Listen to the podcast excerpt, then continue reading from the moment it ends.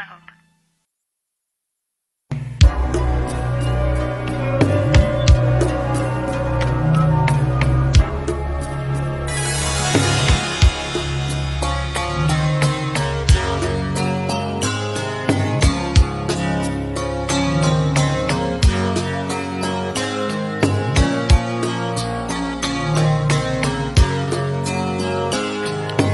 Iba machumi amabili namine imizuzu mlaleli ngaphambi nakubethe nasa isimbi yechumi nanye ngilo-ke ihlelo lethu leli lenkolelo ngokwahlukana kwazo esele sesisikimisa singena ngaphakathi kwalo siyokhamba nabajameli benkolelo ngokwahlukana kwabo eh sithome nje ngokuthokoza ukuthi baphumelele sikwazi ukuba nabo esitudio sethu sekwekwezi FM ngibona sinekolo yamaheberu khona mfundisi umbuyani sinekolo yamanazaretha ngingazi amanazaretha namaheberu bayahluka kodwana-ke sinekolo yamanazaretha ukhona uhlalithwa eh sinekolo ye-islam eh ukhona usheikh kasim mhlongo eh sizokuba nekolo yobuKristu ezabe ijanyelwe mfundisi eh umfundisi umara Jacob uzangitshela ukuthi sinamuphi umfundisi kodwa ke ngiyacabanga ukuthi besinobra Ike eh nangaphumeleli uza kuvela umfundisi uAphane.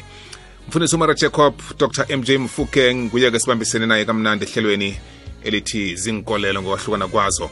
Mfundisi ngiyakulotshisa ngiyathokoza bona sibe soke. Nakanjani ngithokoza kwemlingane wami ngithokoze kwebobo David? Namhlanje sokuthi sibe sonke kuleli hlelo leli elithi interfaith program enkolelo ezahlukeneko. Ngimukele neyithekeli zethu ezikhona namhlanje lapha emhashweni omkhulu kokwezi FM kukhanya ba indaba ndaba ekulu namhlanje simlalile kwekwezi FM sidembako indaba e- e- umoya ocwengileko indaba yobuthathu bukazimu ngelimi labeni kuthiwa trinity ubuthathu bukazimu. Sifuna ukwazi ukuthi nasikhuluma ngobuthathu bukazimu sikhuluma ngozimu ubaba uzimu umoya ocwengileko sibuye godu sithi uzimu indodana. Ngokwekolo yamakrestu kuthiwa uzimu ubaba uzimu umoya ocwengileko uzimu eh indodana. Thina umbuzo wethu omkhulu esuphethe esitudio sithi zithini inkolo ngobuthathu bukazimu ngoba ngozimu ngendodana ngomoya ocwengileko. Yile nto esiyikhulumako. Nangenza njalo ke eduze kwami lapha angamukele ubaba uKasim Mhlongo ubaba uSheikh ojamela ikolo yeIslam. Locha assalamu alaikum. Eh siyanilotshisa nonke emakhaya. Assalamu alaikum. siyathokoza ukuthi sibe nawe namhlanje baba Sheikh. Eh eh Sithokoza- mkhulu. sithokoza nokubona uzima akubulungile Eh akulondile. Eh njengobana sibona ukuthi eh, a- a- u- u- ube nengozi. Eh yes es- es- esikuta ucalane nayo. Kodwa ungakapholi nokuphola oleso yavuma ukuthi uze lapha emhajweni eh all praise be to Allah. sithokoza ukubona impilo. Sethu ngoba abantu abaningi nabafunyane ingozi efana le khulukhulu esikuta isikuta siyathusa. Ufunyane inyawo zilapha ufunyane ihloko ilapha kumele simthokoze eh alhamdulillah alhamdulillah. Siyathokoza.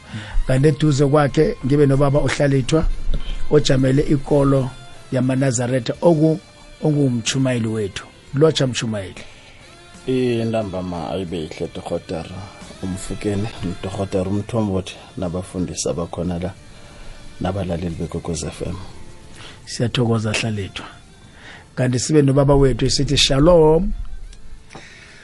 Umfundisi ngithi shalom nakububu eh, nakubafundisi bonke. Egameni lenkosi uyafa sithokoza kakhulu ngumfundisi umbuyani ojamela ikolo yamaHebheru sithabe khulu ukuthi sibe nawo namhlanje simfundisi shalom. Hayi nami ngiyathaba ukuba la abantu abafana nani ma-veterans abantu abade sisebenza nabo lapha emhatshweni siyathokoza. Nomlaleli usalukhumbula ngiyathemba le phimbo.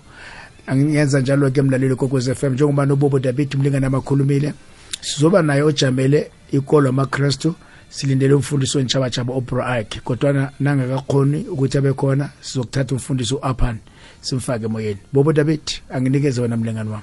Ngiyathokoza mfundisi. Ngaphandle nje kokona isikhathi mlaleli ngifuna ukuthi nawe uyikhambisane nathi inkulumo le. Eh ngiyayibona indaba yokuthi isikhathi sethu sisuke sibe sincane. Qinisekisa-ke ukuthi uhlala usemtatweni sithi sikhuluma nabafundisi esinabo nawe siphele sivakatshele ngakuwe emtatweni sikudobhe. Ube nomfakela. Isihloko sisivezile sikhuluma ngobuthathu bukazimu uzimu ubaba uzimu indodana uzimu umoya oqwengileko. Eh nawe uvele ujamele yakho ikolo lapho ukhona ungasalele emva. Angiyithome kumanazaretha lotshani hlalithwa ngithokoza khona mbala bona sibe soke. Asisala sithoma ngakini njengamanazaretha sizwe ukuthi kumanazaretha bukhona na ubuthathu bukazimu? Ngiyathokoza baba umthombothi. Ah baba umthombothi asidlule encwadini kaIsaya 43 verse 10 u-isaya 43 ne? Verse 10 la uzima zikhulumela yena. Ngaphambi kokuthi kube khona zonke indwezi uzoyifunda mfundisi? Incwadi kaIsaya 43 verse 10 verse 10 akhe ngilinge kuyivula msinyazana. Namhlanje uyamthemba. Ngizokutshela nekafunda nekafunda yakhe engakayibizi ngizokutshela ukuthi akusiyo right ngithi nguye osifundelako. Awu mara. Siyambuza. Oh, namhlanje uyangidemba mina ngiyazi ukuthi uyangidemba lethi uyenza ngamabomu uyenza ngamabomu nekade akangithembi. Nazange ngisho dakhe kwaba liphutha mfundisi Oh, kwaba liphutha sathi sifunde enye wafunde enye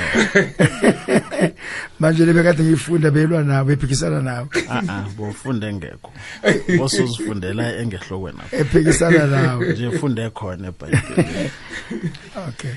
Ake sifundeke uthe Isaiah 43 verse 10 akithi ya ifunda ngalendlela ke mlaleli lapho khona ekhaya Isaiah 43 verse 10 ifundeka ngalendlela. Oh uphi u10 loya nje nangu lo 10 eh ithi uverse 10 awubo David. Verse 10 lwakaveli ungathi ithi usomnini uthi nina maIsrayeli nibofakazi bami iye wena Israel uyinceku kwa uyi- uyinceku kwami engikhethileko. Ukuze wazi bewukholwe kimi begodwa ulemuke bonyana nginguye onguke azange khe ku- kube nozimo omunye ngaphambi kwami begodwa angaze kwaba khona omunye. Ngiyathokoza. Azange kube nomunye uzimo before uzimo. Angeke kwaba nomunye uzimo after uzimo. Nguye uzimu namhlanje kusasa and forever.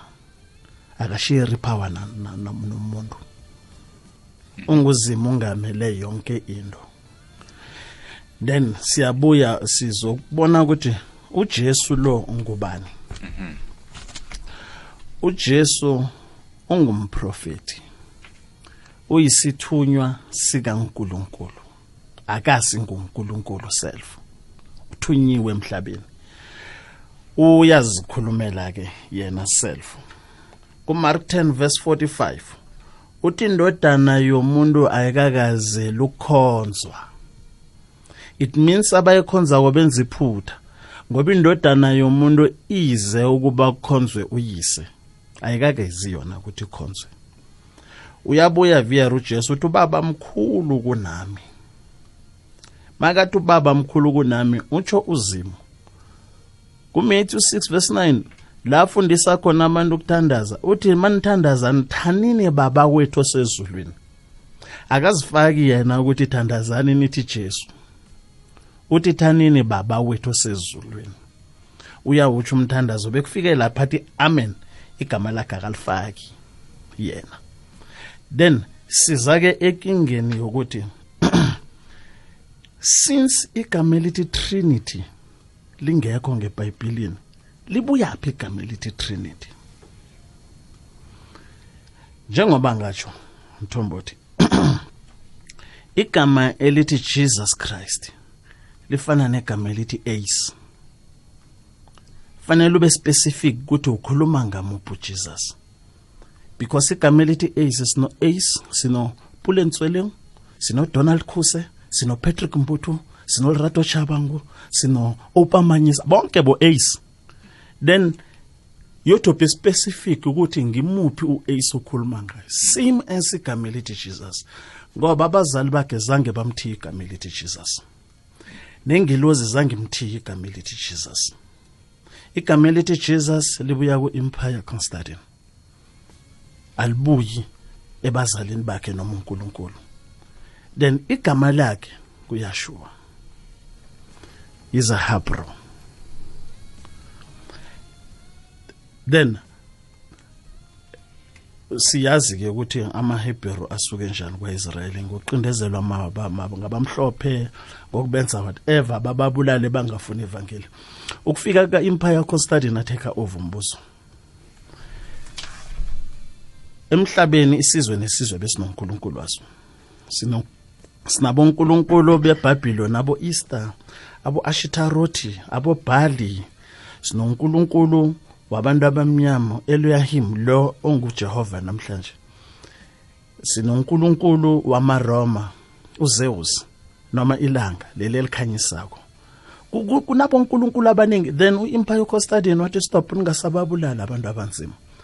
Let us have one god and one church. Kungasaba nenkonzo eziningi kungasaba nabonkulunkulu abaningi kube nonkulunkulu oyedwa. Unfortunately ngo-326 AD kwi-council of nicaea abantu abamnyama noma amahebheru beseka-colonized then u-elohim bekangekho represented kwi-council of nicaea la bayokhethwa khona unkulunkulu. Ngevoti bakhetha unkulunkulu wesamariya noma amandiya ukrishna bakhetha nonkulunkulu wamaroma uzeus ilanga leli elikhanyako. Then because zinthixo lezi azinamlando uma bazokubhala umlando bathatha incwadi zamaHebheru. La kubhalwe khona Yeshua babhala Zeus. La kubhalwe khona Messiah babhala Krishna. Ekufikeni kaletha J khumbula ngesikhathi sika Messiah uletha J bekangekho. Umlaleli ekhaya unefoni angagooglisha iletha J. Alina even 700 years old. Then umuntu esithi nguJesus fanele kibe una 2017 years old. It's impossible ukuthi igama lakhe lingathoma ngo-j y- o- o- o- ongana even 700 years. Then ukufika kaleta j uzeus watshentsha ujesus ukrishna watshentsha ukrist endaweni kayashua babhala jesus. Endaweni kakrist babhala krishna kakrishna babhala krist kwaba ngujesus christ by then amakhuwa azenzela wabo ujesus christ ozokuphikisana nojesus christ ongebhayibhilini. In the form of usiza bagio indodana kapope alexander 4 usiza bagio umsebenzi wakhe ukuphikisa unkulunkulu. usiza bagio uze ukuba ngunkulunkulu. Kula kuthoma khona indaba katrinity. Because usiza bagio mawuqala ifoto yakhe always ngemva kwehlo kwakhe kunelanga akwenzeki kube nesithombe esekhuwa bathi ngujesu kungabi nelanga ngemuva kwalo. Ilangela nguye unkulunkulu ngoba vele amaroma bevela akhonza ilanga then kuye kunezinto ezingekho ngebhayibhilini like abo trinity yo good friday eh sun worshiping day usunday i- u- ukuphulwa kwemthetho kaNkuluNkulu ukuthi uJesu ukuf- ukufa kwakhe kuzokuphula imithetho kaNkuluNkulu. Yonke into ephula i- imithetho kaNkuluNkulu akakhambisani noNkuluNkulu. Then sizithola sihlangana nabo Jesu ababili.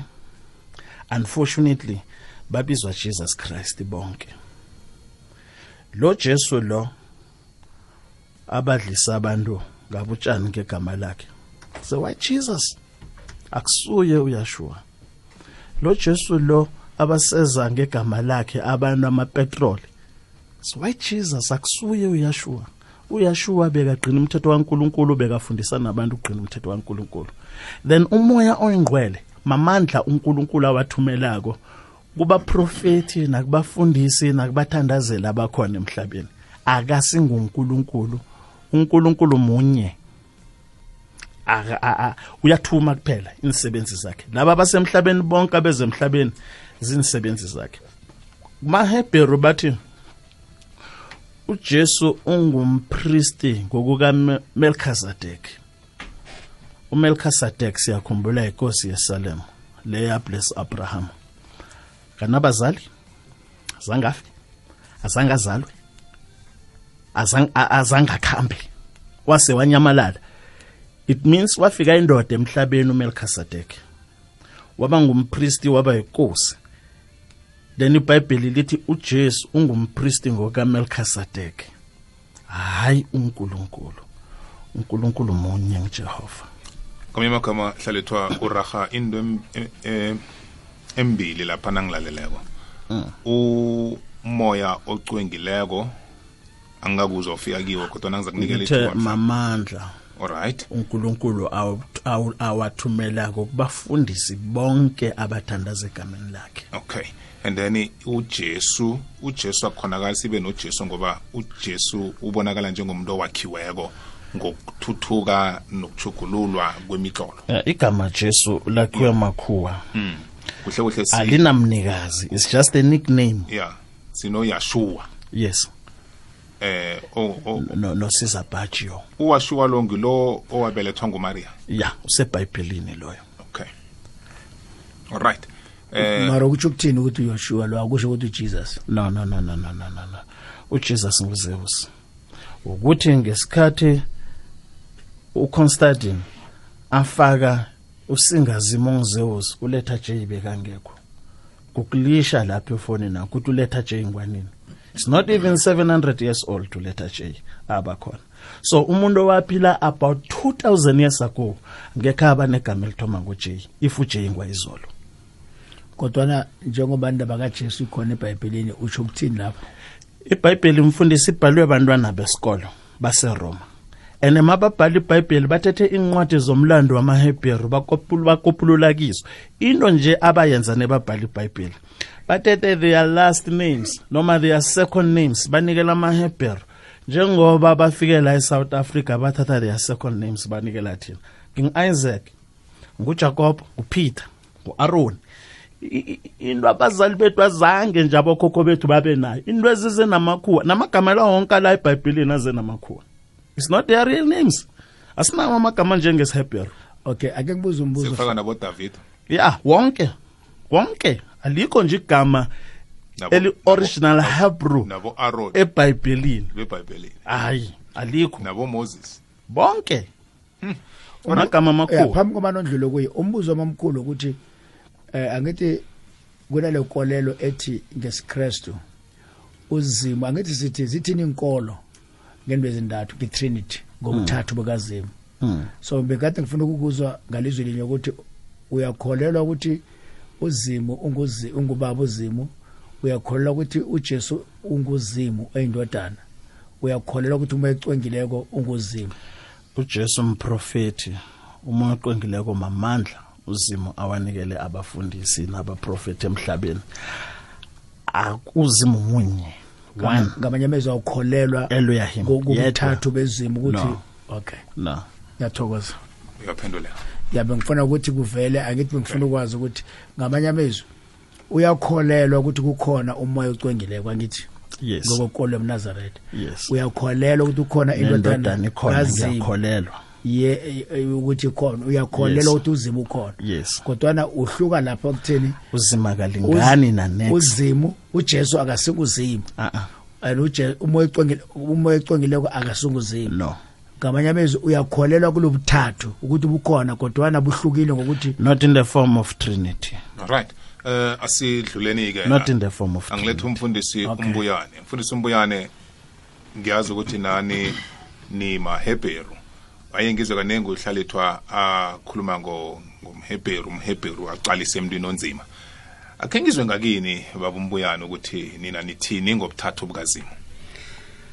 Eh ngibe ngiphinde kodwa ngithi shalom um kumlaleli wekwekwezi hayi namhla kuyokhanya ba.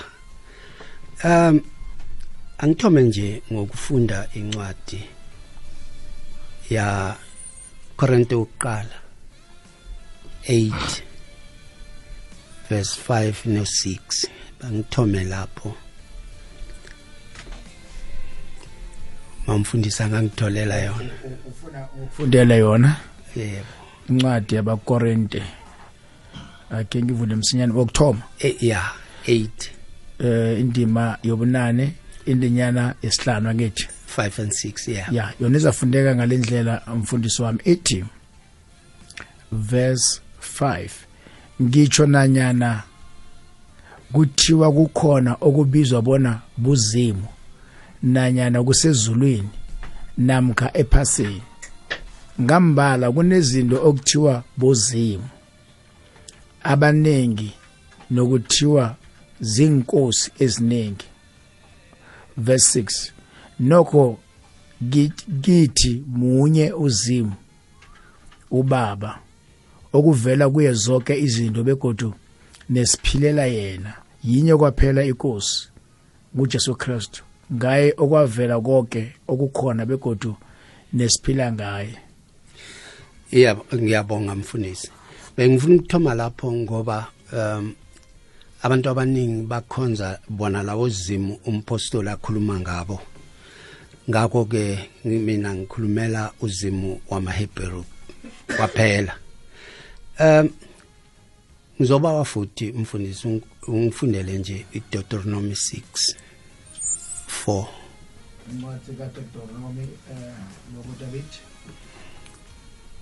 sifunda incwadi kaDeuteronomy chapter 6 verse 4 endinyana yesine. Ya yona ifundeka ngalendlela yizwa wena Israyeli usomnini kuzimethu nguye yedwa usomnini. Ngi- ngiyabonga kakhulu.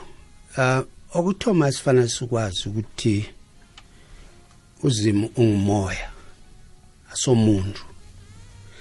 And then munye nguye wayenza zonke izinto ngivumelana no nomfundisi umfundisi uhlal- uhlalethwa lapho.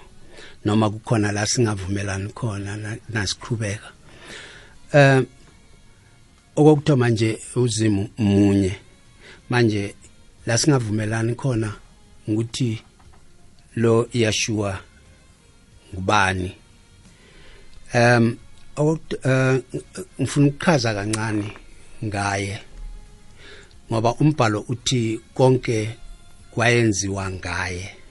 Ngifuna eh kucace kahle kum- kum- kumlaleli kakhulu. Eh uyashua wayenzelwa umzimba. Nge- nge- ngesikhathi uzimu ekhuluma noAdam nowesifazane wathi kwesifazane ngibeka ubutha phakathi kwakho nenyoka. Nembewu yakho nembewu yenyoka. Imbewu yakho yoyinyathela i- yoyifahla ikhanda yona yoyiluma isithende leyo mbewu kwakumzimba kaYeshua. Yena wayekhona kwasekuthomeni wayengubani ekuthomeni? Wayeyini ekuthomeni? Um mina kumfundisi uyaphuma manje. Kufuna ngifunde isingisi. Asikufundele. Ya no oh okay ngiyabonga. Ng- ngicela ungifundele lapha ku baHebrew 6 verse 6 ah ah, not Hebrew Exodus 6 6 ngiyaxolisa.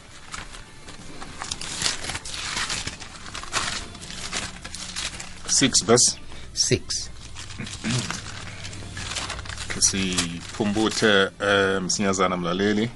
Ngalokho tshela ama-israyeli uthi ngingusomnini begodu ngizonikhupha emsebenzini okatelelako wamagibhide. Nginichaphulule ekubeni makhobokawo makhoboko wawo. Nginihlenge ngomkhono olulekileko nangokugweba amagibhide ngesigwebo esikhulu.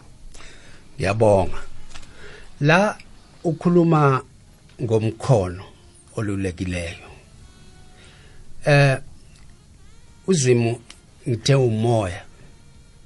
Usidale saba nje ukuthi sazi ukuthi ubereka kanjani. Hayi ukuthi yena unjani ngoba eh umfanekiso kaZimi kithi umoya wakhe umoya womuntu ola kuye ngaphakathi. Lo mzimba uyindlu yalowo moya. Manje eh uthi ngizokhipha uIsrael ngomkhono ngomkhono wami olulekileyo. Ngempela uMos- uMosi mayokhipha uIsrael eh umkhono kaZimu wawunaye wabakhipha ngalawo mandla omkhono wakhe. Manje ngifuna futhi kodwa ngifunde enye incwadi ukuthi sikhona ukuhlanganisa kahle la le nkulumo. Eh iKolos 2:9 uma mfundisa ngangitholela yona.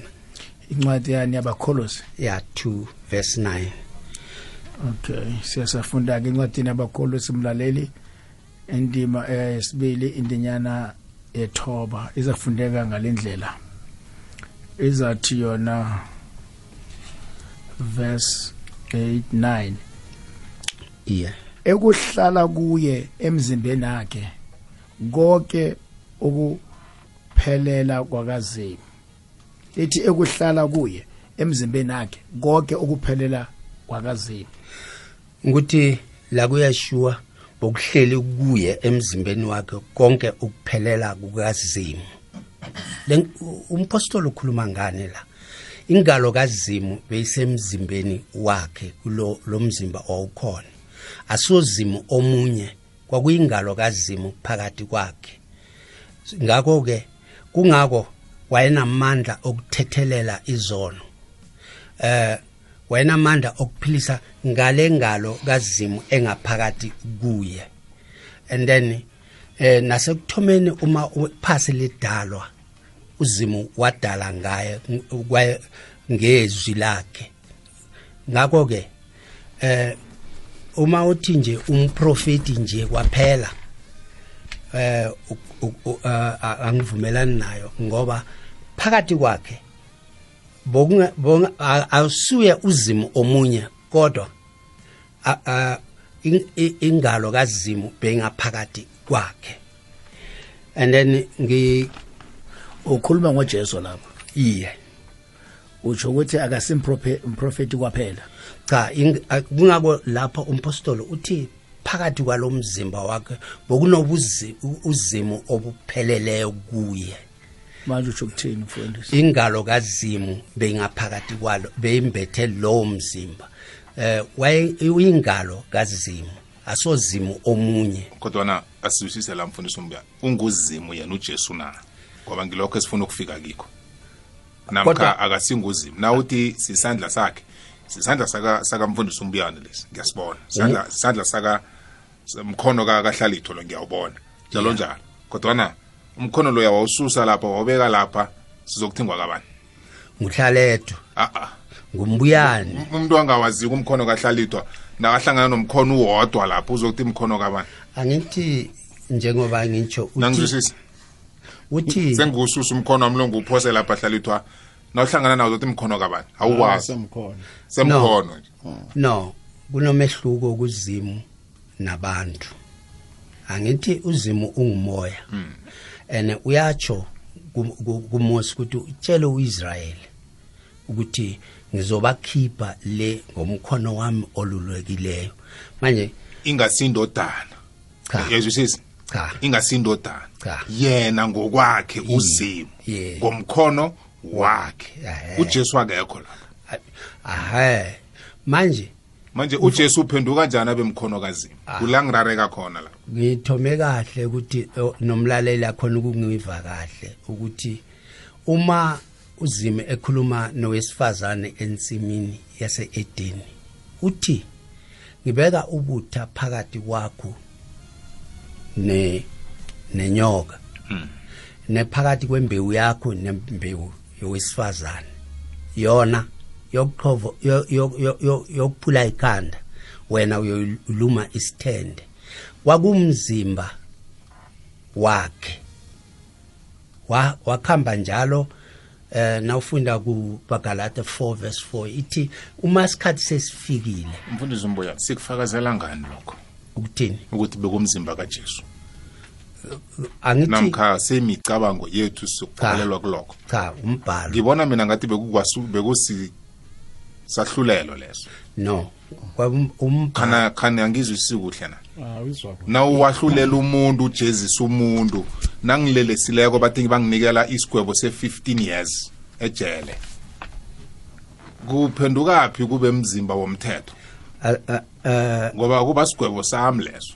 No kungcono siyifunde eh, mhlawumbe izosinceda. Right asiyifundeni iGenesis 3 verse 15 mfundisi incede encwadini kagenesis. Ba umsize mfundisi. wesithathu. Mfundisi Mbuyane.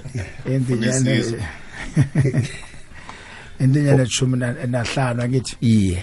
Iza kufundeka ngalendlela ke umlaleli wekwekwezi kukhanya ba siyafunda.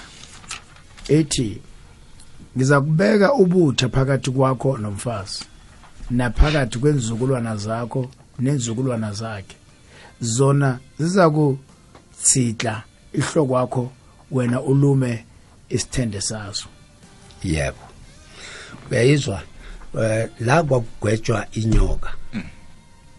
Manje eh kwenzeke nini lokho? Le lenkulumo le eh ifezeke mhla ese esesiphambanweni. Eh inyoka yayimluma isithende mhla efa kodwa kwa uku- ukuvuka kwakhe kwabafileyo ukuvusa kwakhe kwabafileyo wa wawuphelisa umbuso ngoba le nhloko okukhulunywa ngayo ngamandla nombuso kaSathane wawuqeda wawuchitha wonke ngokuvuka kwakhe kwabafileyo. Manje into nje esifanele siyiqonde kodwana namhlanje mfundisi umbuyano umuntu onguma nakabona inyoka wenzani dobhilitsho uyayibetha. Eh ngiyavuma. Ngiyabona yathathelwa khona li manje bekufanele ujesu nakafakwe esiphambanweni apha nokuluma kwenyoka kuphele ingasaluma umuntu nokuyibetha kwethu singasayibetha ngoba ya, ya, ujesu uyihlulile esiphambanweni. Manje ujesu ubethele esiphambanweni wavuka kodwa inyoka sayibetha naye ingangena nje siyokweqa la siyoyibetha. Eh bobo kukhona umehluko.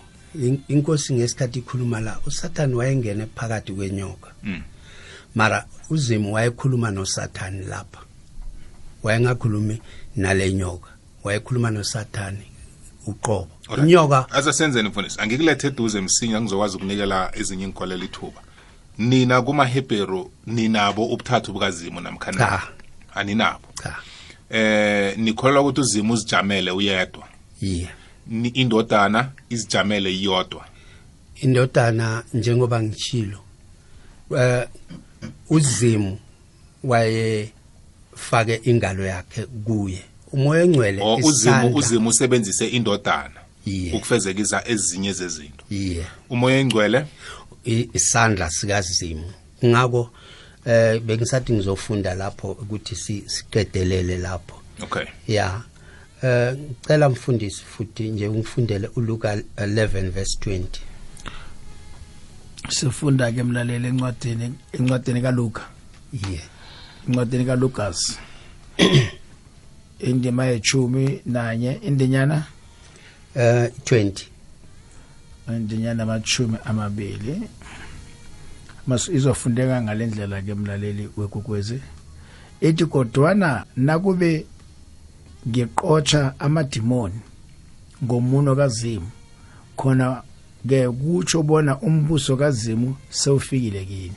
Yabonga use ukuqosha amadimoni akudingi sonke isandla sikazimu kudinga nje umuno wakhe. Ngoba umoya engcwele isandla sikazimu noma izandla zikazimu. ungakuDavide maye maye mayikhuluma kuma- kumahubo uthi mangibheka phezulu ngibona izulu imisebenzi yemino yakho. Eh uzimu ungumoya kodwa eh eh, amandla asebenza ngawo noma ayenza izinto ngawo ingalo yakhe nezandla zakhe. Umoya ingcwele ehe. So ke ngakho ngame amagama uzimu munye. ngifuna ukuthi umoya ocwengileko angekhe waba nguzimu. Cha u- uyisandla sakhe.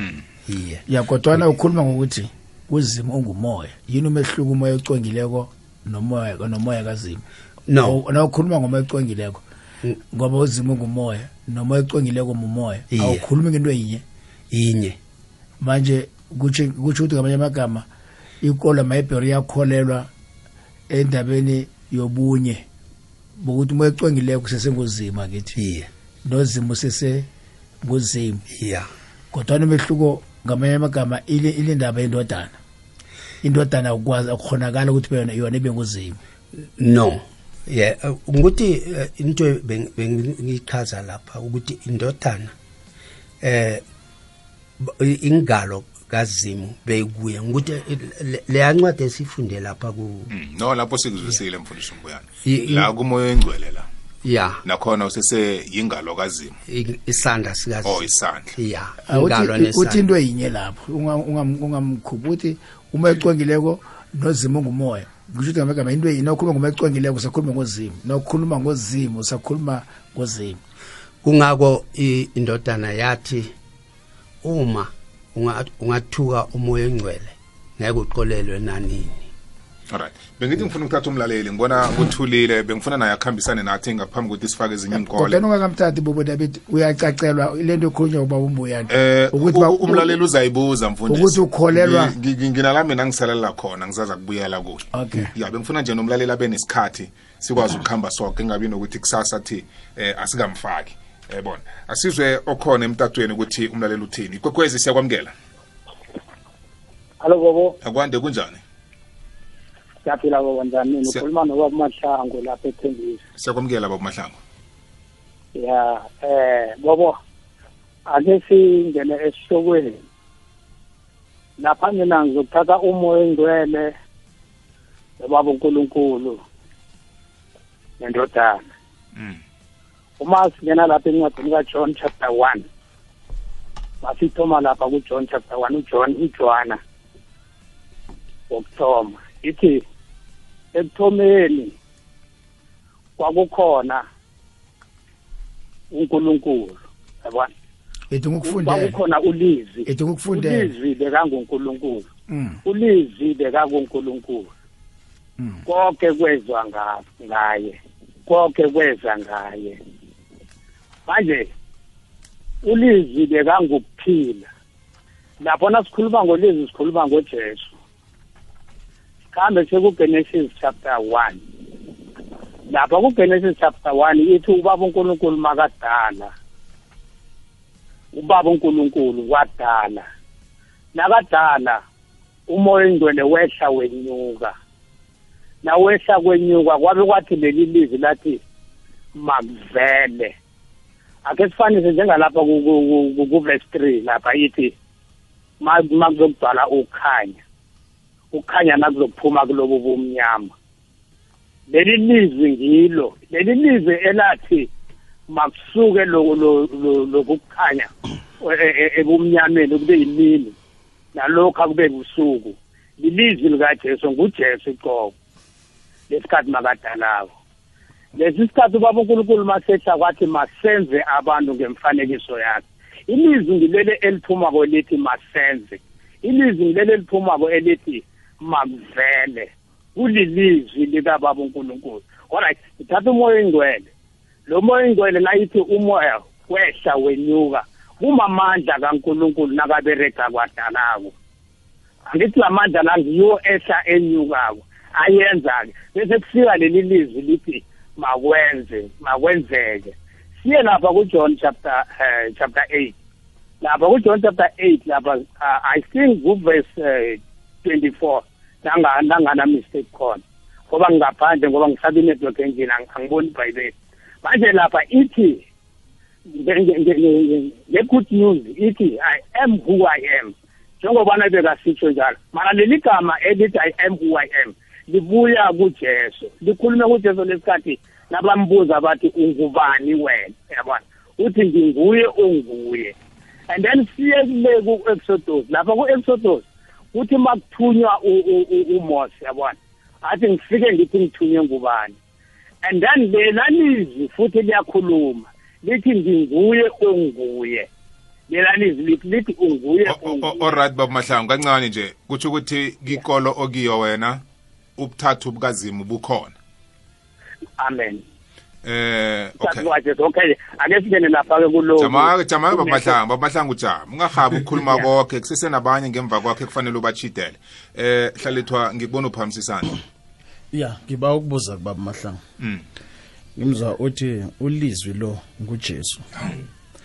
Ulizwi lo nangasemhlabeni bekusele bani ezulwini and nekathi ubaba utsho bani ngoba yena unguye owadala konke nekatshela abantu ukuthi ngibuyela kubaba. Ngiyokuya kubaba nginibawela omunye umthokozisi. Utsho bani nekatsho ubaba? Ngiyathokoza. Baba mahlangu? Ya ulizwi lesi sikhathi inhlangano le e- e- e- ezulwini makehlaka ujesu nguye wakhetha-ko wathi thuma mina. Lesi sikhathi makazositenda ngegazi lakhe. Njani? Njani? anguzini angithi ngiyazi kuyifitshana ngazi ukuthi ngiyazwakala na? Ya uyazwakala kodwa kunala isisalela khona ukuthi yena ujesu wa- wakhetha. Angubani? Begodwa nakafika la uba nguzimu ugodu eh abe sithunywa uchuguluka ngubani? uthunywa ngubani godu?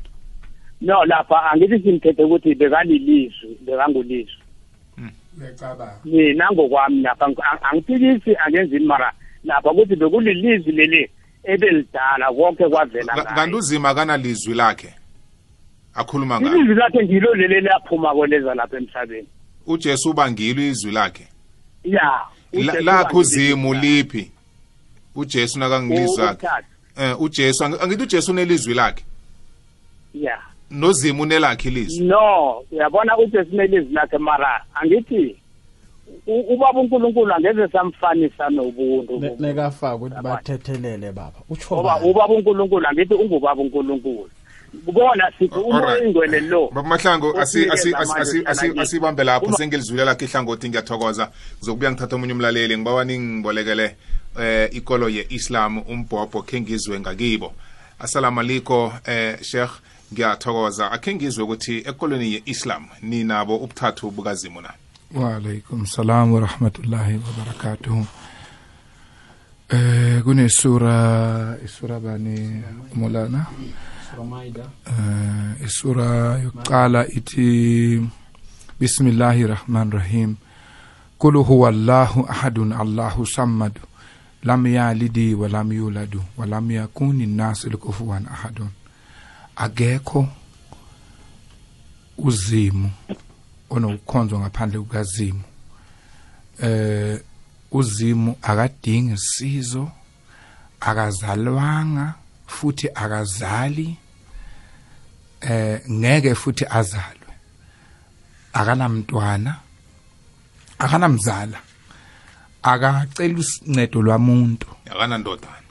Akanandodana. Unguzimu othi akube khona umfundisi uMaria Jacobs abe khona.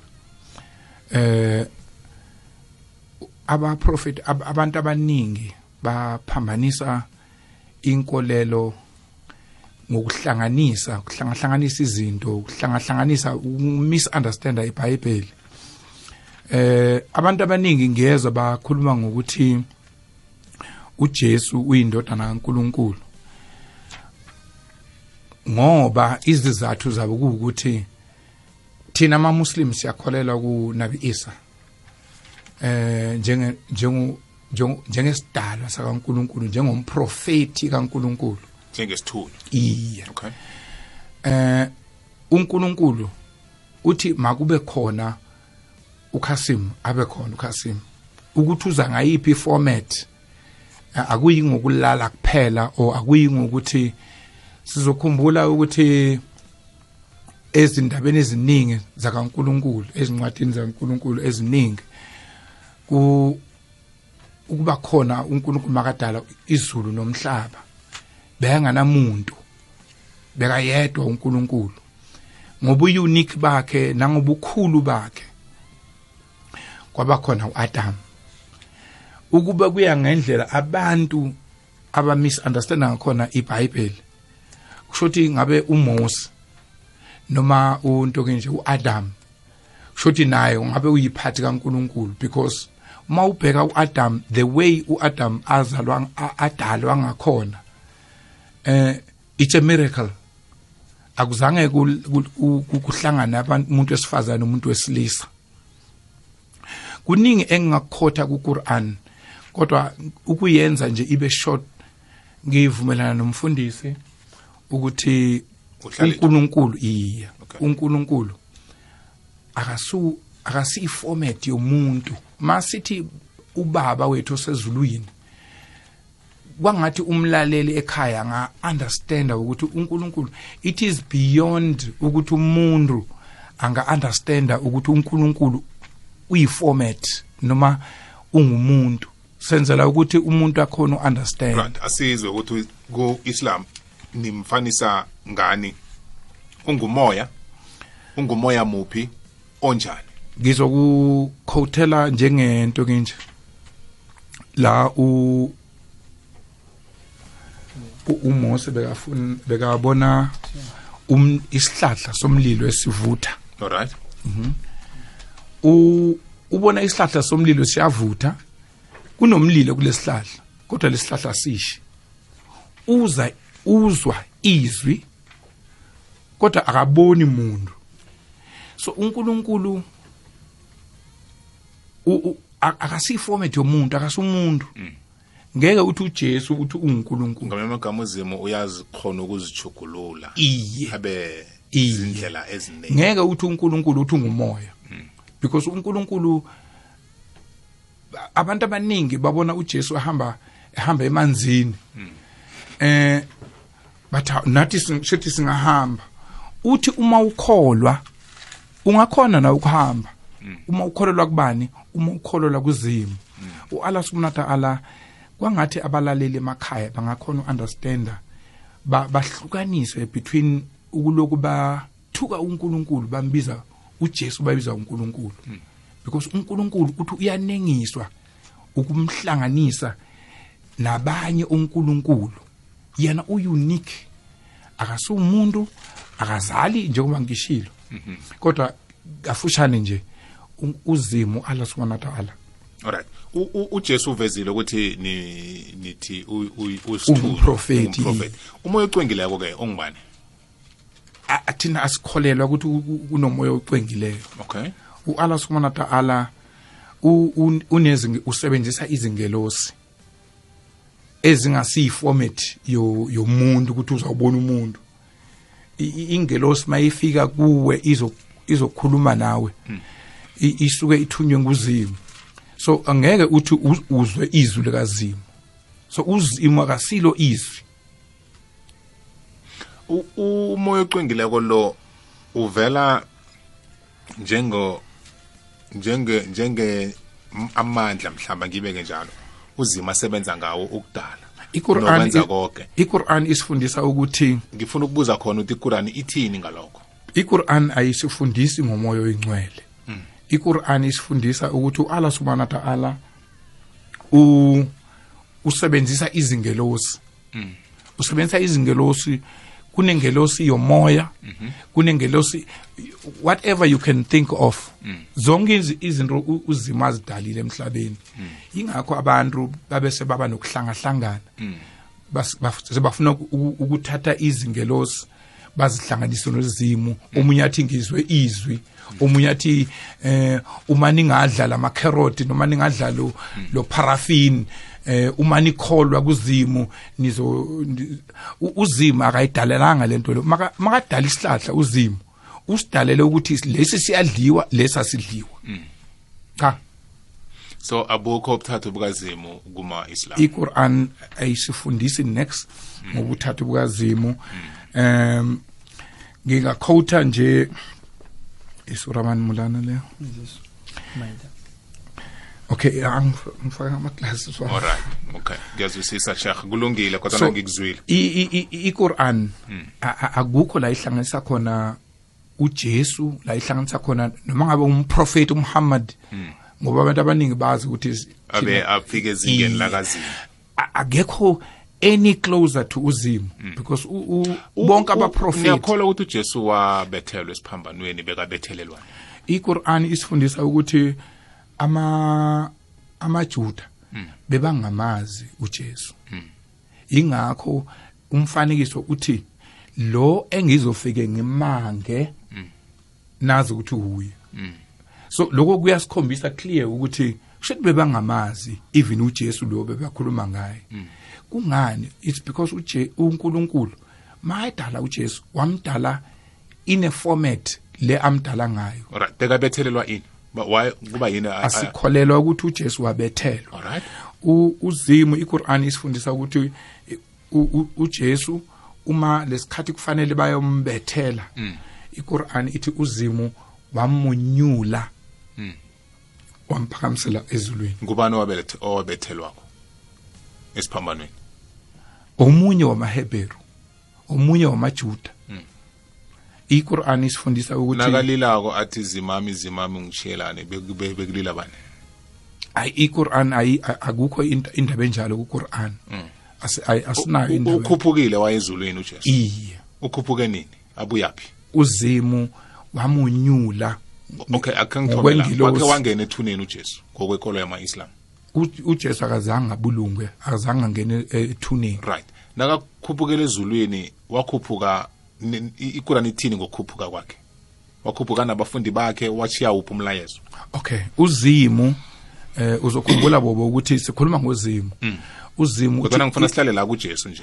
izinto azi azenzeke. Lesikhathi amenyula usebenzisa izingelosi zakhe ukuthi amthathe imsuse lapha. I- zamsabi zimsezulwini. Wakhuphuka khonokho. Iye. Azange alayelise abafundi bakhe. Angikufanisele kanje uyakhumbula inqola kaElisha kodwana ngifuna ungiphendule lapho ukuthi azange alayelise abafundi bakhe abatshele ukuthi uzabachiya nomoya ocwengileko njalo njalo. Za- akukho lokho kukurani kuQur'an asi- asi- ayikho into enjalo. Uzimu wamunyula because bebangamazi uJesu. So akukho la ujesu akhuluma khona ngokuthi uzabachiya nomoya ocwengileko kukurani U- ukuthi uzabashiya nomoya ocwengileko. Ya uyakhuphuka uya kubaba uza kubuya uzokhumbula ukuthi uJesu eh, bobo beyangafani nami nawe. uJesu beyangumprofeti kazimu. So uzimu izinto bekamthumeza zona ziningi kakhulu. Uma uzongibuza wena specific ukuthi akazange abachiye nenkulumo so bachiya nenkulumo so kuningi uJesu akukhuluma no ngifuna nabafundi lokho kuphela ngifuna okuningi. Ngifuna ukwazi ukuthi akukho la ujesu akhe akhuluma khona ngomoya ocwengileko na ekolweni yama-islam? Aniwazi umoya ocwengileko kukolo ye-islam aninawo ukuthi uzabashiya nomoya ocwengileko. No asikhulume nje ngomoya ocwengileko. Aninawo umoya ocwengileko kukolo ye-islam Eh, anikholelwa kikho. ekolweni ye-islam asikholelwe umoyeni ocwengileko. Ayikho into enjalo. Uzimu uthi makwenzeke izinto abaprofeti bakhona. Um- umoya ocwengileko uma ukhuluma ngomoya ocwengileko ukhuluma ngani? Khuluma nge-holy spirit. Aninayo. Iholy spirit uzimu usebenzisa izingelosi. Uma uzofa uzimu uthumela ingelosi leyo yokufa. Ifike ikuthathe. So uzimo usebenza ngengelosi akasebenzi ngomoya ocwengileko. Ang- angazi ukuthi kahle kahle kuwe. Ufuna ukuthi uzimu usebenza ngabaprofeti noma usebenza ngezingelosi. Mina ngikutshela ukuthi ocwengileyo. iQur'an ithi uzimu unezingelosi. Ya. Akakhulumi nawe nami nawe direct. Ya. ocwengileko akanawo. Kodwa ngithi ufuna ukwazi ubobo kulula eh, babu ushekhe ukutsho ukuthi ngoba sikhuluma ngobuthathu bezulu angithi bukazimu ukuthi uzimo ukhona niyavuma. Indodana ikhona uyavuma lapho. angithi ocwengileko ke. umoya ocwengileko. Ma- mawuthi ngiyavuma mfundisi ukuthi u- u- indodana usho njani? Uthe uyavuma ukuthi ujesu umprofeti angithi uthe ujesu ukhona ya ungumprofeti. hayi ukuthi uyindodana. Kodwana uvuma ukuthi ujesu ungumprofeti ungumprofeti njengaba bonke abaprofeti bebakhona uzimu ake ngibuze la nawuthi ujesu akasindodana wena usindodana kazimu wena? Mina ngiyindodana kazimu. Manje ujesu yena akabi indodana kazimu. Kanti isidalwa sakabani? Angifuni ukudukisa abalaleli ngoba abalaleli bane- banale temptation yokuthi u- u- uJesu eh Uyazi- uyindodana uyazi ngibuza kanjani? Ubaba um- um- umprofeti uMuhammad may peace be upon him. Be- umprofeti akithi Iye. akasiyona indodana futhi kazimu. Uyindodana kazimu. Manje uJesu yena bonke uba umprofeti kuphela uba akabi njani indodana. indodana kazima Bonke- umprofeti kazima bonke abantu aba- abadaliwe bangamadodana kaNkuluNkulu. Ngizama ukudefiniate ukuthi umlaleli ekhaya angabi nokudideka because yila abalaleli abantu abaningi balahleka khona sebahlanganisa uzimu bathi unkulunkulu uyise unkulunkulu uthe uzima kadali uzima kanamntwana uzima kanalitho so siba njani madodana wakhe? Sizindalwa zakhe asimadodana akhe. Ngokuzwisisa lokho wena okuchiloko iye wonke umuntu oyisidalwa uyindodana kaNkuluNkulu. Hayi ngokumzala. Uyakhumbula ukuthi ngi- ngiceda ukuthi manje uzimo akasiyindoda okasumfazi so aku- i- i- aku- akufani no-Allah subhanahu wa ta'ala ukuthi angazala alright. bese kuthiwa indoda eh asibile into nakamoya ocwengileko le angingadluli lapho. Aninawo umoya ocwengile ngifuna ukuzwisa lokho. Ngifuna just ungivumele ukuthi iya asinawo umoya ocwengileko namkha sinawo kodwana siwusebenzisa ngalindlela. Abantu abaningi bayalahleka bobo. Ngako lo le ndaba yomoya ocwengileko nendaba yendodana. Ake sibuze umulani nangumulani mulani akutshidele eduze apha oke usisize la mulani urhumulana uya umulani. Mulani. Lo- lotsha mulani unjani mulani? Assalamu alaikum. Sanibonani emakhaya. Ugulam ukhulumayo la ushekh gulam wasewitbini oh sheikh gulam. Okay. No ku-islam itrinity asinayo because allah unkulunkulu uthi azu wankel mhlong uthi allah says he neither begets nor is begotten kusho ukuthi it says in arabic it says uh, huwa allahu ahad. Isho ukuthi o muhammad isho ukuthi o allah munye. Allahu samad allah is independent unkulunkulu. Sho ukuthi akadingi isizo lomuntu. And also I've said that unkulunkulu uthi lam yalid wa lam yulad. Say unkulunkulu akazala akazalwanga and angeke azazalwa walam yakul lahu kufuwan ahad. Alright lokho bese ngikuzwile Okay. ngifuna yeah. la umoya ocwengileko. No Aninawo. yeah i think khothela ivesi ukuthi unkulunkulu uthini Yes. concerning lo moya. Yes. Um, he says that trinity they have certainly disbelieved which is a, ivesi bani le it's uh, sura bani is surah surah maida which is surah 5 and verse 73 sura 5 yeah surah 5 verse 73 okay. It says that yeah. It says that in english maybe ngizomchazela wabathi Mhm. wena uzoyihlathulula Okay, ngifuna no. ukuhlathulula into engayizwa in terms of translator maybe. Okay. He says that uh, they disbelieve they disbelieve who say allah is one of the three in trinity for there abantu is abangakholwa. Mm, there is no God except one God. In Arabic it comes like this لقد كفر الذين قالوا إن الله ثالث ثلاثة وما من إله إلا إله واحد sho ukuthi uchaza ukuthi lo muntu usho ukuthi unkulunkulu une trinity you know is the holy spirit the holy son and the father he is what uphumile ku-islam in islam mawusho njalo so uphumile ku-islam so in islam yeah umuntu ongakholwa alright ngizwile okay. Sibambeni lapha. Sibini sibelele kumlaleli ngizokuletha umfundiso aphane. Ikwekwezi siyakwamukela? Njani na? Sikhona kunjani ngakuwe? Khona itrinity ingararabali ukuthi trinity ma-steps lakunkulunkulu wasezulwini um wangumoya.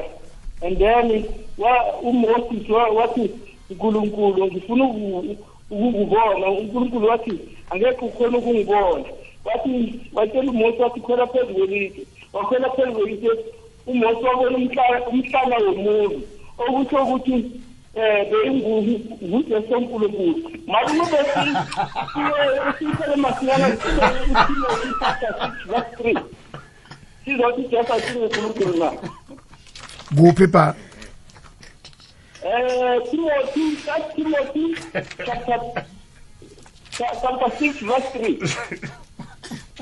Or first timothy Yeah, chapter three. ya Uh, First Timothy, chapter six, verse three. ifundeka ngale lithi angabi sidakwa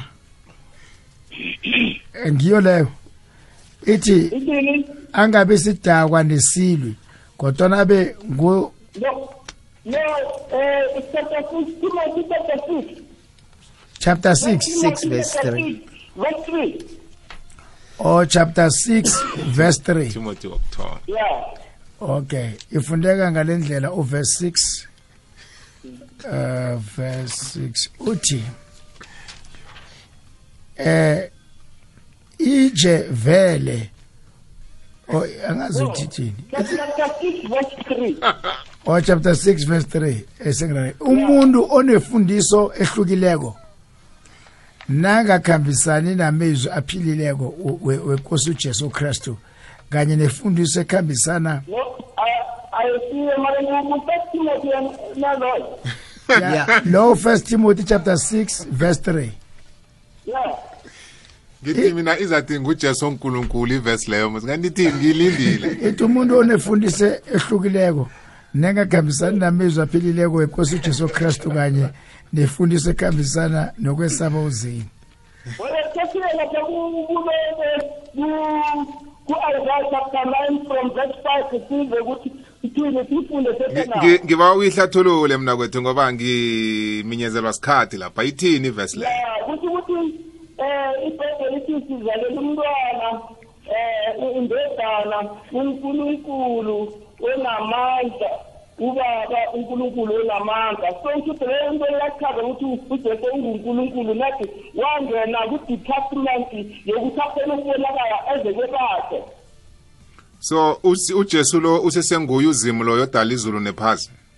Ngunkulunkulu uma u- laba ku-department kamoyingena angabona sezulwini ngoba unkulunkulu akabona is god manje ethi ngoba abantu bebafuna ukumbona we- we- waba okay. indodana Ja- ja- ja- ja- jama- jama-ke mna kwethu jama-ke. Uyakhumbula ukuthi ujesu wabethelwe esiphambanweni wahlongakala. Wa wa- wayokubulungwa wavuka ngemva Ja- ja- jama jama mna kwethu ungahabi uzongizwa ukuthi siyaphi. Eh ufuna ukungitshela ukuthi uzimu lo ukhe wafa? Bekusele bana gadi iphaseli uzimu nakafileko.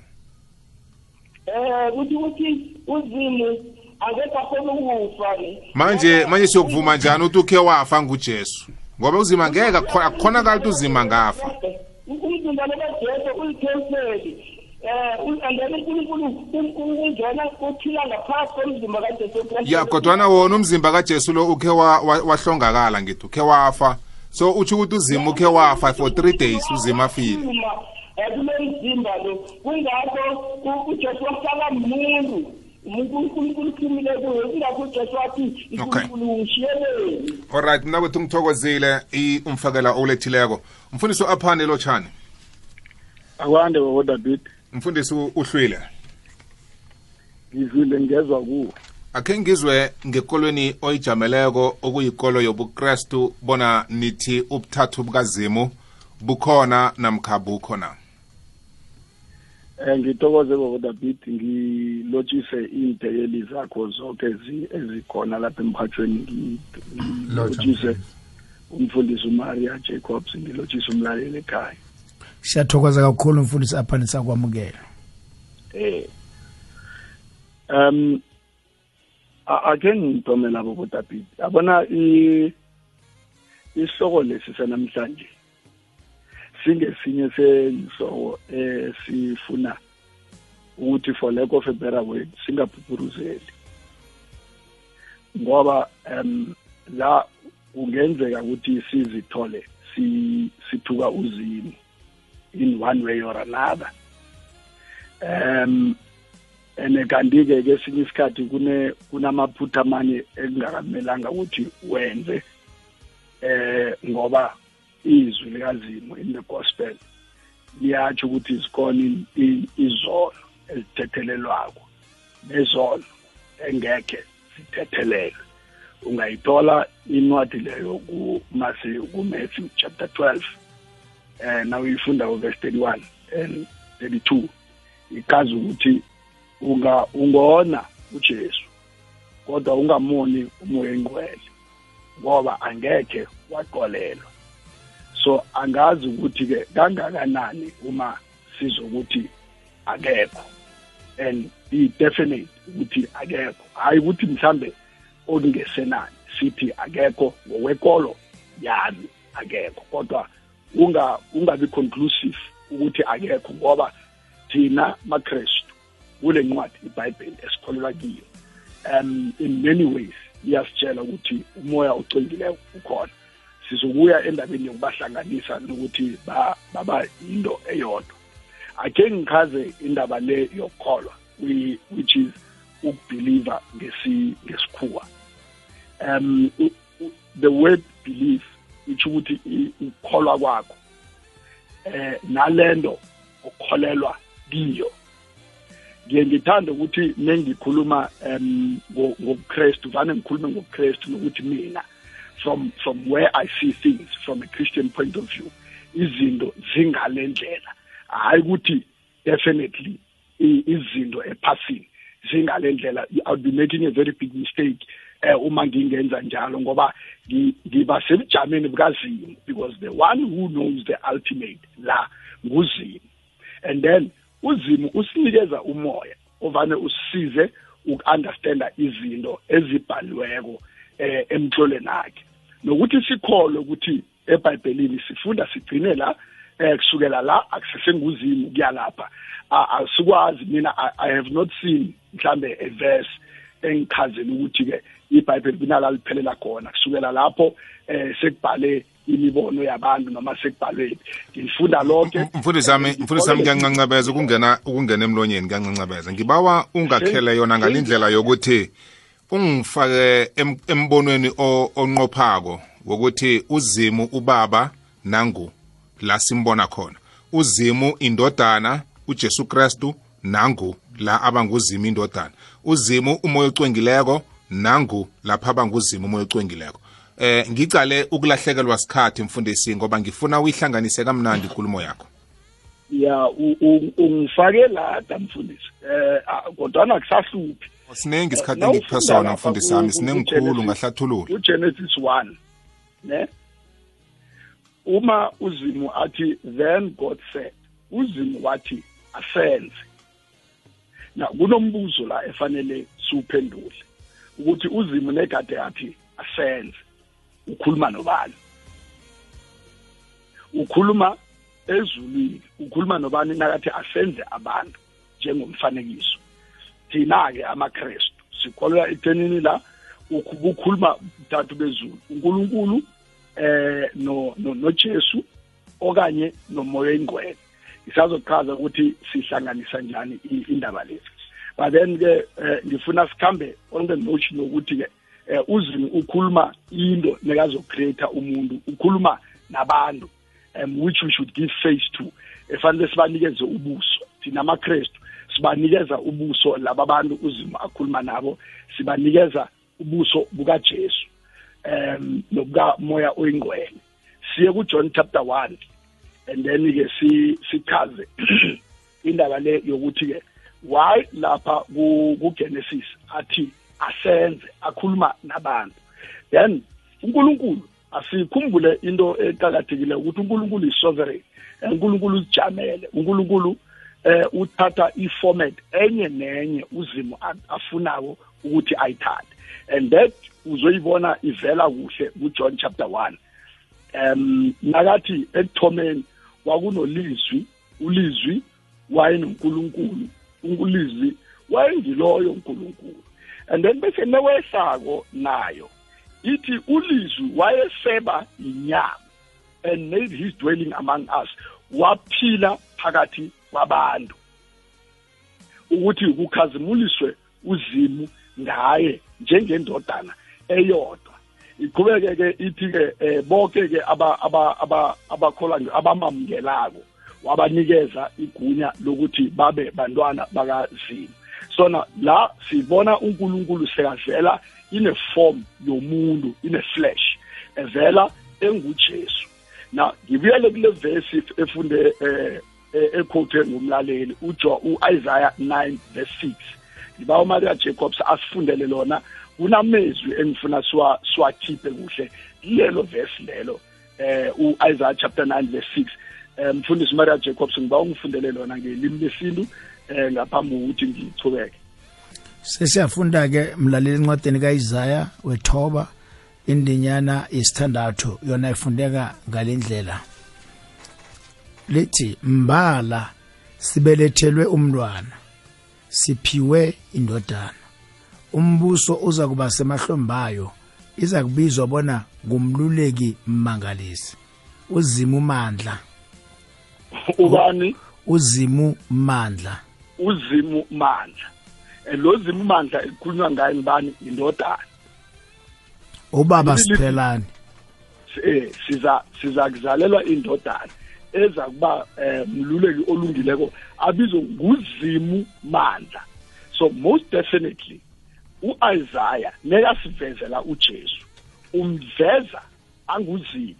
Na lahlanganisa lekulumo ukuthi uIsaiah umveza anguzimu ibesethi uJohn ubaba in the siphela gospel- eh, ithi ngicede leli verse yakho leba ithi ngumluleki mangalisi uzima umandla ubaba siphelani nokosi Ubaba kuthula ubaba siphelani nokosi ngiyathokoza kuthula ukuthi uyiqedelele ikhuluma ngo- ngo- ngo- ngomuntu la ozokuba umuntu ozokubelethwa ayindodana. Abuye abe ngibaba and abe ngibaba isiphelane. In other words ujesu uyokuba ngubaba wethu eh todi kuze kube sekugcineni. And then-ke siye kujohn chapter 10 um sihlanganise le nkulumo ngoba ngiyazi ukuthi sekunombuzo ukuthi ujesu lo unguzimu na noma ungumprofethi? Ujohn chapter 10 um verse 30 eh nathi bese ufikile kiyo. Siyayivula ke mlaleli incwadini kaJohannes indima yechumi indinyana yamachumi amathathu. Ifuneka ngalendlela mina nobaba simunye. Ngiyathokoza. Ithini mina nobaba simunye. nobaba simunye. In other words eh kukhuluma uJesu unless uthanda mfundisi ukumphikisa ukuthi uJesu unamanga. Kodwana uyazikhulumela lamezwi akaka abhalwe eh ba from from the gospel kodwa mamezwi abhalwe akhulunywe nguJesu ukuthi yena nozimu bamuntu munye. Soke ke awukwazi ukuthi ubahlukanise uthathe uzimu uJesu umenze umuntu. That is why nokuqhubekela phambili uya ku ku- chapter 14 um uthome lapha ku ku- ku- ku verse 9 la sekakhuluma khona athi mina ngiyindlela neqiniso nokuphila. Akakho oya kubaba ngaphandle kwami. Nawazi mina wazi ubaba. Kusukela nje yazi ukuthi newubone mina ubone ubaba.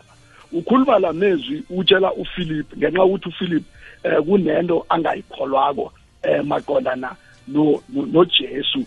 Eh ukuthi uJesu lo kuhle kuhle ungubani.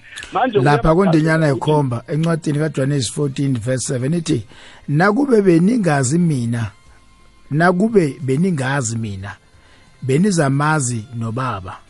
Kusukela ku- kusukela khona khona kadezi niyamazi begodi nimbonile. Uya- uyezwa uthi kusukela khona gadesi niyamazi. Begodi nimbonile so ke ke eh ngi- ngikhutha la mezwi ngoba la mezwi abuya kuJesu futhi awasiyo i-opinion yabantu. That is why ngithi unless mhlambe nangesifuna ucreate argument ukuthi akusuye uJesu ekade akhuluma la kodwa uma sikholwa ukuthi la mezwi in the gospels ayebhalwa nguJesu uJesu uqobo lwakhe uzikhuluma yena angu angu angubaba isiphelane. Ithi ithi nokuthi-ke, ithi lapha man of god nachubeka ithi utsho njani bona sikhombisa ubaba na? Awukholwa bona ngikubaba nobaba okimi na? Utsho njani ukuthi sikhombisa ubaba? Awukholwa ukuthi ngikubaba nobaba uyini he, he re-emphasizes indaba ukuthi yena nobaba bamuntu oyedwa. Manje sikhulume-ke indaba ukuthi why simkhonza thina amakrestu sikholelwa ekuthenini uzimu nguzimu baba kuzimu indodana kuzimu umoya ocwengileko njengoba kuzizinto esakhele ukukholwa kwethu phezu kwazo. Ubuyele lapha kujohn chapter 1 kodwana uyokufunda uverse 29 la kukhuluma ujona umbhabhadisi efakaza ngojesu. Lithi ibhayibheli elangeni elilandelayo uJohn wabona uJesu eza. Wathi-ke nali iwundlu elisusa izono zezwe. In other words uJohn ukhuluma indaba yokuthi-ke uJesu lo ufike la ukuzokususa izono zezwe. He confirms ukuthi akusiye uzimu kuphela oku- o- owenzako. Um ngiya- ngiyavuma ukuthi uzimu uyahona kodwana-ke si si understand ukuthi uzimu uh, as sovereign as he is une unendlela azisebenzisako zokuthi ahlangane nabantu nokwenza kwakhe. That's why ekuthomeni lithi wenza ngezwi.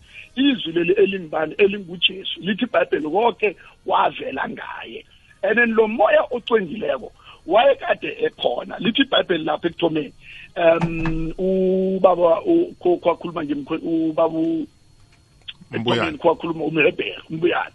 Wathi lithi ibhayibheli uzimu wakhuluma ngezwi izwi lakhe uJohn chapter 1 livezwa linguJesu ukuthi um nguJesu wonke kwadalwa ngaye. Umoya kazimu was hovering over the place wawuloko ungamele ihlane elalingena litho. So bavela bobathathu labantu. Then as as as i- isikhathi siqhubeka and that's why ke lento ijulile ifuna isambulo. As isikhathi siqhubeka uzimu ngoba sekazivezile uphinde aveze uJesu. uJesu aveze umoya ocwengileko. Yize umoya ocwengileko lo ukhona kuhle kuhle nale etestamentini elidala. Kodwa uJesu nasekakhamba uthi njengoba eh, kade izinto nizizwa kimi njengoba mina kade ngizizwa straight zivela kubaba ngoba mina nobaba siyinto yinye konke engikwenzako ngikwenza ngoba ngikutshelwa ngubaba ubaba ophila kimi ubaba ongimi. Ngakho ke sele mina ngisukile ngenyama nginguzimu ngibuyele ezulwini. Kuno kuno kuneform kazimu uzima azoyithumela ezonikhumbuza izinto zonke engumoya ocwengileko. Okay. Em, mfundisi wami ngibawa Ve- ngibawa uyibambe lapho ngibawa uyibambe lapho-ke mfundisi? Sengikuzwile uyihlathulule kamnandi uyinembile ngithokoze nokuyihunyeza kuhle kangaka. Namavesi woke amnandi owadzubhulileko abeka omunye nomunye umuntu emkhanyweni. Ngiba ukuthengisa nangibuya lapha sizwe imibuzo ecaliswe ngakuwe.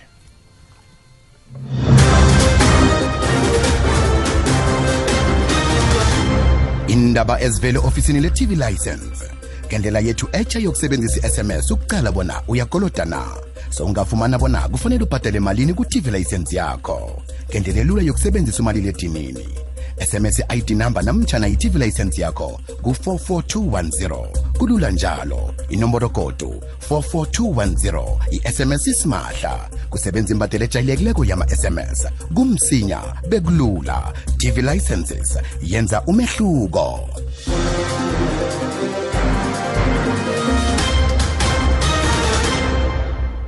sibuyile sirakela phambili nehlelo lethu lenkolelo ngokwahlukana kwazo. Ngifuna ukunikela ibandla enginalo istudio ithuba lokuthi nabo babe nemifakela. Kodwa ngiba ukubuyela kumlaleli kafeaturesana nje sizwe ukuthi yena uthini. Ikwekwezi siyakwamukela. Kwekwezi akwande? Akwande. Akhulu. Ngivukile kamnandi kunjani? Mna wethu ikulu isihloko sanamhlanje sihle khulu. Nediba ngwarala ngento elize ngokokuzwisisa kwebhayibheli sazi ukuthi ujesu wabeletha ano umbelethi ababelethi bakhe kungumaria nojoseph. Kwezalwala ilizwi ngathi lifikela kumaria kujosepha la kuthiwa bazalibeletha umntwana. And umntwana lo kuzakuthiwa kujesu and then eh nafikela kude lapha endabeni yokuthi ujesu indlela neqiniso nokuphila kusho ukuthi aba abenza izenzo lezi ezenziwa ngujesu. Eh ngendlela engizwisa ngayo ukuthi baza kufana nokuthi bazombona uzimu or nabo uzimu uzabahlani kwabo and ibhayibheli ikaningi khulu ngoba nawuvula ngale ngeqadi ame ngegcineni lapha ku ngale ngegcineni sithola ukuthi u-adam akusimuntu esithi yindoda ngendlela evane siphimisele ngayo. And u-f asimtholi ukuthi ungumuntu ongumma. Sithola ukuthi ikhuluma ukuthi omunye ukuphila omunye eh umuntu nokuphila. Maye vula isihlangahlangano sakho yona kuhle kuhle. Okay. Ngikuzwile mna kwethu ngiyathokoza. Aha. Bani ubusuku obumnandi. Angize kumchumayeli uhlalithwa. Hlalithwa kuneveso onginikela yona la. Ngibawa nje uyi- uyitsubhule bewuyihlathulule ukuthi kuba yini? Uyiletha ngaphambili. Ngemva kwehlathululo elethwe ngumfundisi waphana ngoMateyu 4 verse 8 ukuya ku10 yeah sithola la umprofeti uJesu lingwa ngisathana uthi kuye kuqa ungilotshe. Ngizakupha wonke umnotho okhona eJerusalem. Uthi uJesu suka sathana kulotshiwe ukuthi wokhonza uNkulunkulu wakho yedwa. Kutsho uJesu akati kulotshiwe ukuthi khonza mina or khonza umoya oyingcwele. No no no. Uthi kulotshiwe ukuthi khonza ujehova yedwa. Utshela usathane and secondly there's no way usathane angaya kunkulunkulu athi guqa ungilotsha but ujesu ngoba mumuntu njengoba kutsho izenzo zabapostoli 2 verse 22 ithi madoda bazalwana ngiphimiselela amazwi ningizwe ujesu wasenazaretha indoda eqiniswe ngithixo akusingithixo. Mfundisi umbuyane? Okay. Eh kulencwadi ngizoyi- ngizoyikhuluma nje la ku baphilip 2 Mm. 6 and 7 ithi eh la eh, la ku 6 ithi wathi efana noNkulunkulu wa wazembula. Khona into esalayo njengoba umfundisi lo besho. Mfundisi waphana ya um inkosi ngesikhathi usathane emlinga njengoba umfethu esho Mm. ithi wazembula ukuthi wa- wasusa lobunkulunkulu kuye. Waba ngumuntu Mm. mambala. Waphila njengomuntu wafana nathi. Ngakho ke usathane wayemlinga ngoba waye buyele ebuntwini ingalo ka- kazimu iphumile kuye. Waba ngumuntu wa kodwana uyakhumula mfundisi umbuyane uthe ujesu akasinguzimu ngokwekolo ngithe yamaheberu. eh, eh, ngithe mina ingalo kazimu bengaphakathi kuye. Mm. Yena ujesu akasinguzimu cha angithi yena um- lo mzimba angithi nakukhulunywa ngojesu kukhulunywa ngalo mzimba abeyikuye kungako nizozala uzozala umntwana umthiye igama uthi nguyashua. So eh eh, kunomhlu- kunomehluko ku- kule ngalo bengaphakathi kwakhe nalo mzimba bekuwo. Alright ithi wazembula wasala engumuntu waz- wazifanisa nenceku so bekanguzimu kuhle kuhle. U- u- ingalo kazimu bengaphakathi kuye. Oh. ukuthi into efanele siyizwisise Oh, lapho. right. ya. Ingalo sesandla U- u- uzama ukuthi ujesu mkhono kazimu abekade asebenza ngawo? Uzama u- u- u- kunjalo. ukuveza lokho mfundisi umbuyane iye. Kodwana bangasinguzimu manje uhola uhlukanisa umkhono nozi- nozimo No. Futhi into enye eh angithi inkinga la. Ngi- ngibawa niboleka ushekhi i- I- inkinga la ukuthi na na ungathi bozimo bathathu lapha kuba nenkinga khona. Okay mfundisi umbuyane ibambe lapho. Eh shekh Ngi- ngi- ngiyadideka kancane kubazalwane nakubafundisi abaningi. Alright. the way bakhotha ngakhona ibhayibheli. Because ngiyazibuza ukuthi do they really bayakholelwa na ukuthi uzimo usebenza ngezingelosi? Ku- ku- ku- kimi kusawunda kwangathi shuthi abazalwane noma abafundisi abaningi laba abakhowuthile. Noma umfundisi azamile ukukhowutha ukuthi uJesu ungumprofeti ungumprofeti kanjani ngokomoya oyingcwele kulabo abakholelwa ukuthi umoya oyingcwele u- u- uJesu be- wa- waza- wazalwa ngokomoya oyingcwele. Mara bayakholela ukuthi izingelosi zikaNkuluNkulu zikhona na? Okay mbuzo wakho ngilo phela Iye. alright hlala nekhona lapho. Eh mfundisi aphane mina nginombuzo wodwa kuwe. Isikhathi sami naso sesiphelile kodwa ngiyacabanga ukuthi ihlelo sipheze salihlanganisa lonke siyazwa amahlangothi wonke wenkolelo ukuthi ajamephi. Em nawuthi uzimu wehla wambatha inyama waba ngujesu weza ephasini. Lokha nakabethelwa esiphambanweni ahlongakala bekuhlongakala ujesu mu u- khe ngithi bekuhlongakala uzimu muphi? Uzimu jesu namkha uzimu mdali wezulu nephasi? Eh ungibuza into onependulo yayo oyaziyo ngujesu wabethele esiphambanweni angazi ukuthi ngibuza njani imibuzo njalo ngoba siyazi sonke ukuthi ngujesu owabethele bekangujesu bani zimu? Nguzimu jesu. Hayi ukuthi bekangujesu zimu. Nguzimu jesu. Nguzimu jesu muphi nguzimu son nguzimu holy spirit. Nguzimu jesu Ngamazwi muphi lokhu ngifotise nguzimu jesu. Yena lo yena lo umfuni uzimu jesu lo. Kuhle kuhle mfundisi umara jacob ngifikelwa indaba yokuthi kufanele sithole isihloko sakajesu ayedwa. Ya ayedwa ujesu lo khe sidile ngaye. Ngoba uhleli uthoveza amanye amaphoti kunojesu omunye owenziwako eh kunojesu omunye okhona nojesu olicine so si- khe simfune ukuthi ujesu lo ngengimuphi. Mfundisi aphane ngikuzwile. Ngiba uku- ukuvala nganami ivesi u-14 ja uJohn. Uthi very truly i tell you whoever believes in me okholwa yimi and uthi ke eh, ku ku ku-13 uthi yonke into eniza kuyibawa ngegama lami jesu. Um ngiza kuyenza u-14 uthi you may ask for anything in my name and i will do it. Kutsho ujesu ingakho singangabazi nesibawa izinto ngojesu silotsha ujesu ngoba uthi okay mfundisi yami izwakele isikhathi angisenaso. Mfundisi umbuyane singalayelisa emakhaya. Mlaleli ega- eh, egameni elikhulu lenkosi nje ulale kahle. Siyathokoza hlale ethu singalayelisa.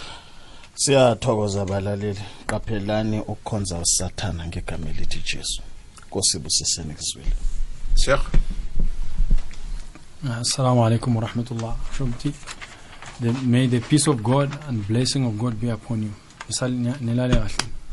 assalamu alaikum okay mfundisi umar jacob sithokozile mlaleli kwekwez FM ibhayibheli lithi onendlebe makezwe lokho okukhulunywako ngiyacabanga ukuthi mlaleli uzwile njengoba kade sinenkolo eziningi namhlanje ezikhona lapha e-studio.